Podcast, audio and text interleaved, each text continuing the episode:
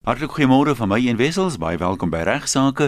Skyns oorkant my soos gewoonlik wat namens die Prokureursorde van Suid-Afrika luisteraars bemagtig met hulle regskwessies. Ignas Kleinsmid van van Velden Duffy Prokureurs op Rustenburg.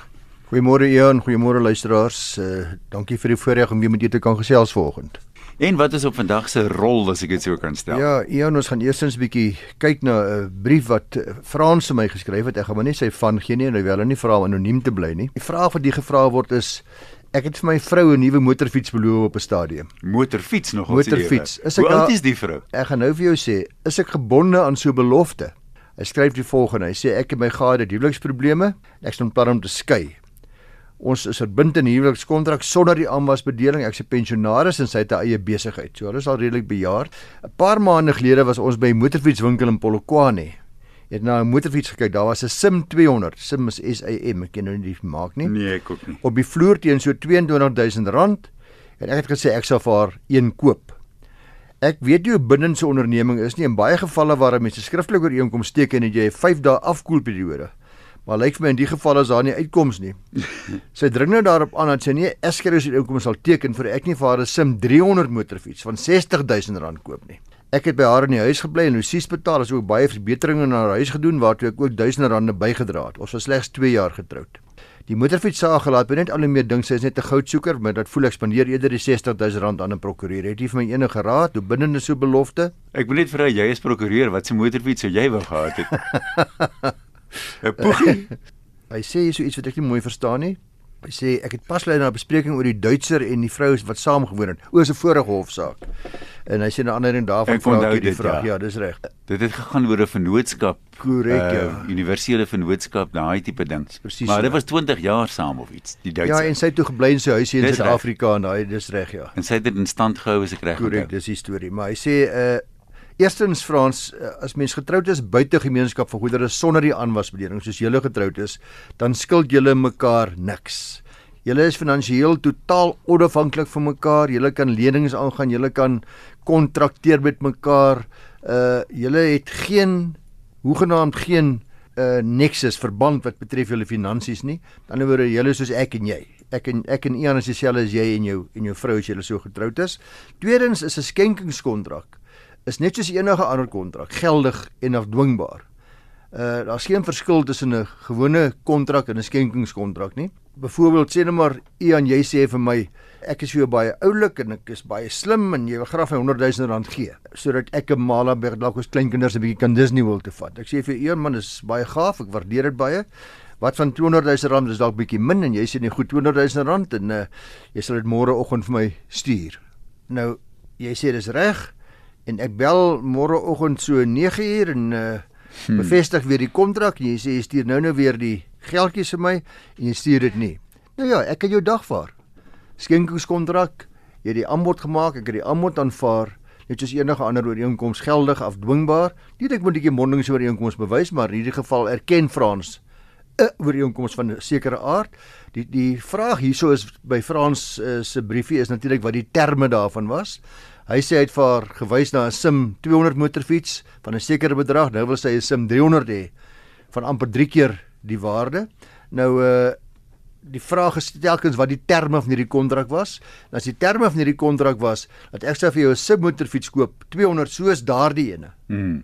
van R22000 of ek gaan vir jou 'n nuwe sim motorfiets koop wat dalk nou R40000 werd is, dan sal dit afhang van wat die hof gaan bevind die die werklike terme van die ooreenkoms was en jy sal daaraan gebonde wees. Wat die verbeteringe betref wat jy aan haar huis gedoen het, uh weer presies dieselfde. Dit gaan afhang wat die terme van daardie kontrak was tussen julle op daardie stadium.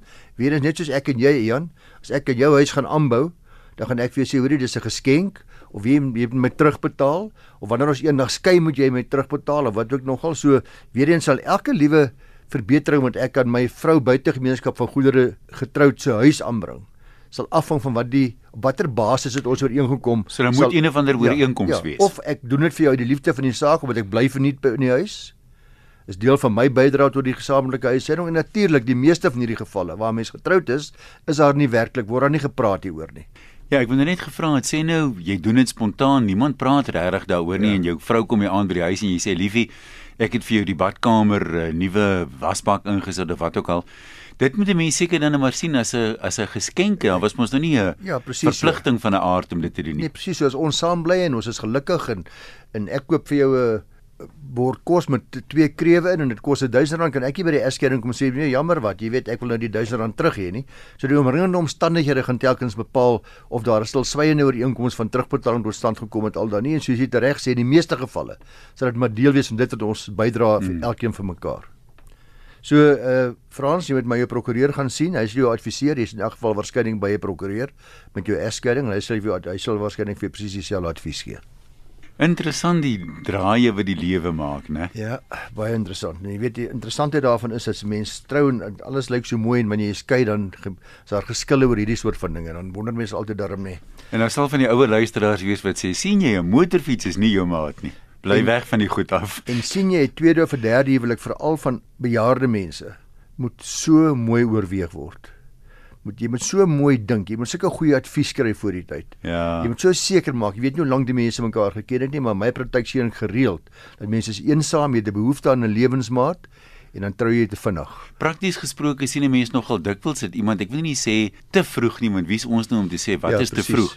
Ja. Maar binne maande dikwels na ja. die dood van 'n eggenoot weer ja, trou. Ja, ja. Wat die mense net 'n bietjie laat wonder, soos jy sê, dit is dalk medisyne vir die eensaamheid eerder as ware liefde. Ja, jy kry baie keer dat mense mekaar al vir jare geken het voordat hulle dan nou weer vriendskap ontwikkel en albei dalk weewenaar weduwee daai soort van ding, maar hierdie soort van situasies soos hy beskryf is duidelik dat hy waarskynlik die vrou nie goed geken nie of hulle mekaar nie goed geken nie.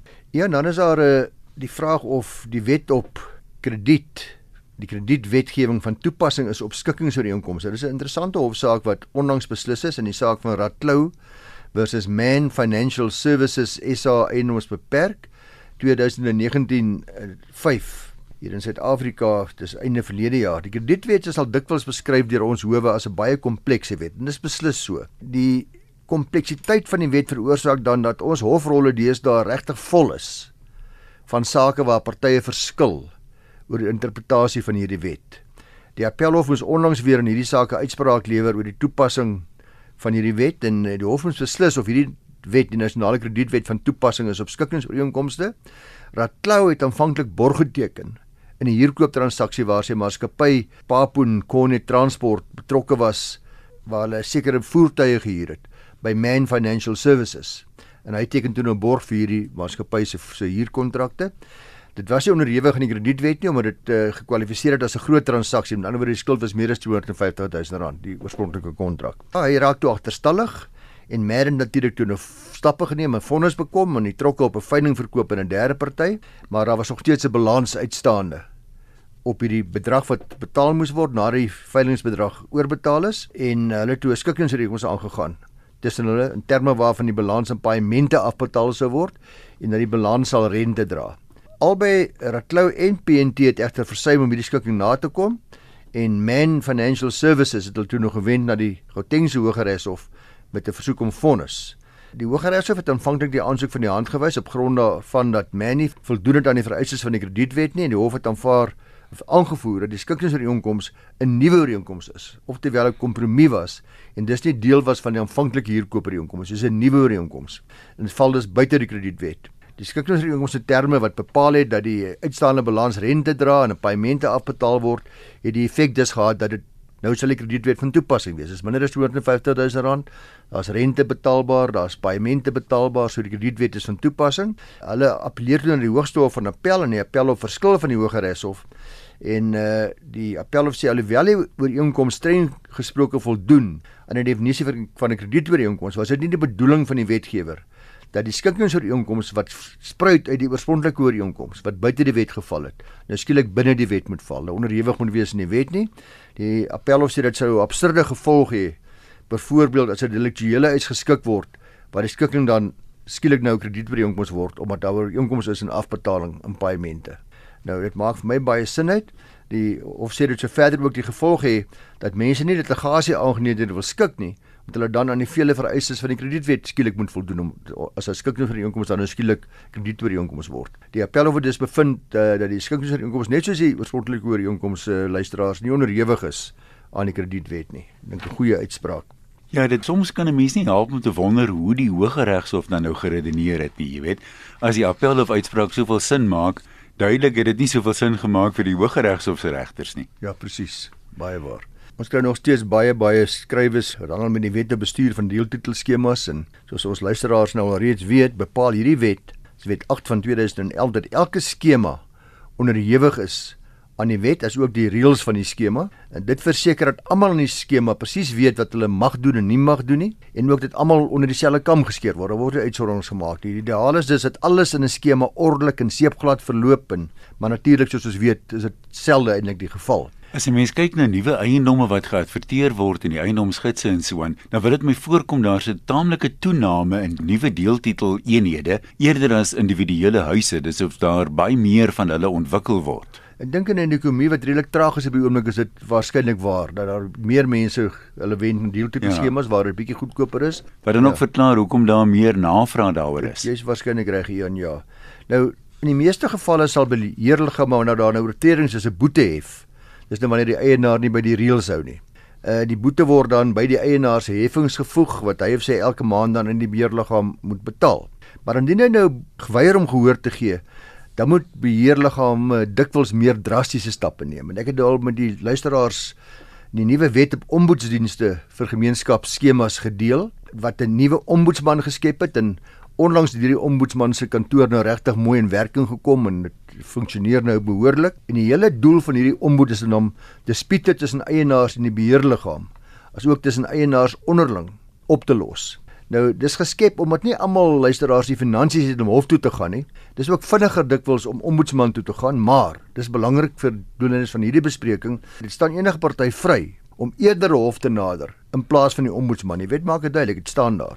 Partye moet egter nis wat ek vandag vir almal wil sê, veral beheerliggame moet mooi luister, lede van beheerliggame, dat hulle moet egter baie versigtig wees om direk die hof te nader in gevalle waar die ombudsman moontlik van hulp kon wees. Alhoewel hulle die reg het om die hof te nader, want in die saak van Coral Island Body Corporate versus Hoge of Hoge, ek weet nie, is H O G E, aan die einde van 2019 in die Wes-Kaap, het die beheerliggaam besluit om die ombudsman nie te gebruik nie. Direk Hooggeregs toe gegaan vir 'n bevel teen een van die inwoners.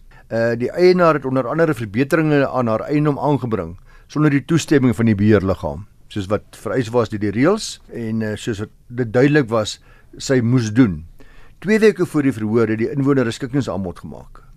So die hele ding gaan deur al die stappe word geneem. Hulle gaan 'n verhoordatum en 'n rukkie voor die verhoordatum nou inderdaad plaas want daar's daar 'n klomp kosse al gegaan. Mense hoor baie gereeld, ja. jy as prokureur sal nou weet, dit neem 'n of wat om 'n hofdatum te kry en dan die oggend voor die verhoor op die trappe voor die ja. hof vind daar baie skikkings plaas. Dit is verreweg meer as 50% van alle gevalle word word 'n paar dae of die dag voor die trappe van die by die trappe van die hof geskik. Skielik is dit nou dringend. Nou wil niemand wil nou al die moeite meer doen. En dan word kostes die groot oorweging. Ja ja. Ongelukkig, dan is dit nie meer die saak self wat so belangrik is nie. Dan as jy vra wie gaan die kostes betaal? Want dikwels is daai koste net soveel en dien nie meer as die aanvanklike kapitaalbedrag nie. Dit was in hierdie geval so dat die beheerliggaam het toe die hof genader het ook gevra vir 'n bevel dat die eienaar natuurlik die reskoste moet betaal. As gevolg van haar optrede en uh, natuurlik soos ons weet hulle litigasie aangeleide soos hierdie die hof altyd 'n diskresie om 'n kostebevel te maak. En gewoonlik sal die verloorder gepenaliseer word ja. met 'n kostebevel. Aangesien die inwoners se skikkingsaanbod deur die teenparty aanvaar was, so die beheerliggaam aanvaar toe die skikkingsaanbod, gaan hulle toe hof toe om die hof te sê net ons kan nie oor kostes ooreenkom nie. Sy moet ook die kostes betaal. Sy sê sy gaan nie die kostes betaal nie. Ons het nou ooreengekom. Hof besluit jy wie moet die kostes betaal. Uh die inwoner het aangevoer dat dit nie nodig was vir die beheerliggaam om kostes aan te gaan, duur kostes van die Hooggeregshof saak nie, want hulle kon nie omboetsman nader. Gevolglik was sy vermening dat sy nie vir hulle regskoste aanspreeklik gehou moet word nie. Die hof bevestig dan ook dat die ombudsman spesiaal geskep was omdat meeste inwoners van 'n skema nie die finansies het om te litigeer nie. Tweedens het die hof erken dat hy nie kan weier om sake wat beheerliggame direk hof toe bring aan te hoor nie want die wet maak daarvoor voorsiening. Maar sê die hof, regters kan binne hulle diskresie verband met die toekenning van koste op so 'n mate hulle regte uitoefen om partye te ontmoedig om sommer vir elke saakie hogeregs toe te gaan in plaas daarvan om die ombudsman te nader. So die hof besluit in hierdie geval dan ook om geen bevel te maak rondom kostes nie. Die ander woorde, hulle sê ons gaan nie hierdie dame beveel om die kostes te betaal nie. Elke party betaal sy eie kostes want julle kon eintlik maar reguit regtig maar ombudsman toe gegaan. Julle moes eintlik nie in die hof toe gekom het met hierdie saak nie. Hulle die reg het, moes julle eintlik nie hof toe gekom het. So wat ek vir die luisteraars wil sê, en veral vir deeltitel beheerliggaam uh, lede, hier is 'n duidelike waarskuwing om beheerliggame dat hulle nie 'n kostebevel aan hulle guns moet verwag gevalle waar die, hulle die ombudsman nie eers genader het om 'n saak oor te beskik nie. En jy weet as mense kyk hoe vol is die hofrolle, dan is deel van die motivering om die ombudsman aan te stel waarskynlik om die druk op howe ook te verlig. Ja, presies so. Dan 'n baie belangrike ene luisteraars is die vraag wie moet teken? Ek en my vrou as ons getroud is binne gemeenskap van goedere. Groot, duidelike, baie chaos en baie onsekerheid hieroor. Uh want 'n persoon getroud binne gemeenskap van goedere kan in sekere gevalle regshandelinge verrig om die gemeenskaplike boedel te bind maar as baie uitsonderings gemeld in artikel 15 subartikel 2 en 3 van die Wet op Huweliksgoedere van 1984. Onder andere bepaal die wet se uitsonderings dat in geval van onroerende goedere, dis nou vaste eiendom, jou huis, plaas, grond, erf, is die beginsel as volg: As u man of u vrou onroerende eiendom met 'n verband wil beswaar of met 'n servituut of ander saaklike reg wil beswaar. Aan die ander woorde, ek gaan geld leen op ons huis. Dan het u die skriftelike toestemming van die gade nodig, behoorlik geattesteer deur twee bevoegde getuies. Interessant is dat hierdie artikel net verwys na vervreemding of beswaring van die vaste eiendom. Maar nou word net wanneer ek my eiendom wil verkoop of hom wil beswaar met 'n verband wil verder belas. Uh, dit beteken is dat net die man of net die vrou alleen die gemeenskaplike boedel wel kan bind sonder dat die ander party geteken het wanneer dit 'n uh, aankoop is. Dit beteken dus uh, wat tot sover gesê is dit wil sê dat by vervreemding en beswaring albei partye moet teken is egter nie van toepassing indien die handeling verrig word deur 'n gade in die loop van sy beroep of besigheid nie. Ander woorde, vat byvoorbeeld ek se eiendomsspekulant. Dis my lewe, dis my werk wat ek doen. Dan hoef ek nie elke keer my gade se handtekening te kry wanneer ek uh, sulke transaksies aangaan nie. Die volgende rede is dat 'n koopkontrak nie aan hierdie vereistes wat ek nou gemeld het voldoen nie, is ongeldig ander woorde want artikel 15.9 se artikel A van die uh, wetskep ook 'n verdere uitsondering. Die uitsondering is dat 'n derde party steeds kan staat maak op hierdie nietige kontrak. Aan die ander woord, ek het nou nie die toestemming gehad nie. Die kontrak is nou nietig. My vrou moes geteken en sy het nie geteken nie of my man moes geteken en hy het nie geteken nie. Dan sê hierdie wet, wel ja, die kontrak is nietig. Maar ek kan steeds staat maak op hierdie nietige kontrak as die party onbewus was en nie redelikerwys moes geweet het dat hierdie transaksie strydig met die wet was nie. Dis nou 'n baie moeilike een hierdie luisteraars. Byvoorbeeld jou man verkoop aan Pietie julle huis. Hy sê nie aan Pietie hy's getroud nie. Pietie weet nie. En as geen ander manier dat Pietie kon weet dat daar word nie vir Pietie verwag om 'n speler te gaan speel om te gaan ja. vasstel of hy getroud is of nie. Uh, in daardie geval sê die hof dat Pietie die kontrak kan afdwing as die ander party redelikerwys nie bewus was daarvan dat jou gade ook moes geteken het nie. Maar natuurlik het nie Pietie geweet het dat jou man 'n getroude man is en eh, dan kom verwag word. Hy's by die huis, hy sien daar is die vrou ook en ek kom koop julle huis of julle of wat ek nogal behoort Pietie dan te vra, hoorie as julle binne gemeenskap van goed of buite gemeenskap? Dan moet hy vra want hy kan nou sien dis getroude ja. mense. Hy kan die afleiding maak daar's 'n huwelik. Uh so dan moet hy redelikerwys probeer vasstel hoe hulle getroud is. Presies wat jy nou sê. Alle ander transaksies dit nou nog nie gemeld het, so bedoel aankoop van roerende goedere, dis nou huishoudelike benodighede, ag motors ensovoorts is geldig en afbindend op die gemeenskaplike boedel, selfs al het net een gade geteken sonder die toestemming van 'n ander. 'n Mandaat wat byvoorbeeld deur een gade, sê net maar aan 'n eienaarsagent gegee word om te poog om 'n huis te verkoop, sal geldig en afdwingbaar wees, nie teenstaan aan die gebrek aan toestemming van die ander party. Uh, die werklike verkoopskontrak egter sal dan deur albei partye geteken moet word as hulle getroud is binne gemeenskap van van goedere. So luisteraars, daar's 'n hele klomp dinge wat hierdie wet vir ons sê en as 'n mens enigstens twyfel, gaan sê maar jou prokureur dat dit daar's sekere bepalinge byvoorbeeld uh, op kredietooreenkomste, uh, daar's sekere bepalinge op borgkontrakte ensovoorts, maar uh, belangrik om te weet dat wanneer u getroud is binne gemeenskap van goedere, myns insiens, is dit altyd baie veiliger of jy kontrakteer met mense getroud binne gemeenskap van goedere, kry my albei partye se handtekeninge. Dit maak dit net soveel veiliger. Ek het al gehoor uh, selfs alledaagse gevalle soos 'n sê net maar 'n selfoonkontrak wat jy uitneem of meubelstuk wat jy op huur koop dat albei partye moet daarby ook teken en mense het al gesê dis 'n vreeslike beslommernis want jy kan nou nie eers 'n selfoon self doen nie. Is dit waar of nie noodwendig? Daar sekere handelinge, regshandelinge eer met die skriftelike toestemming vereis word, uh moet sonderlik geattesteer word deur getuies ensovoorts. Byvoorbeeld, ek het nou gesê onroerende goed is een daarvan. En dan is daar kredietopnemer, as 'n kredietooreenkoms soos omskryf in die wetlike kredietooreenkomste, as dit aangegaan word, dan is dit ook so. Ja, dit is eers die een wat jy nou genoem het. Ja. Hy moet geteken word deur albei partye en geattesteer word getuies.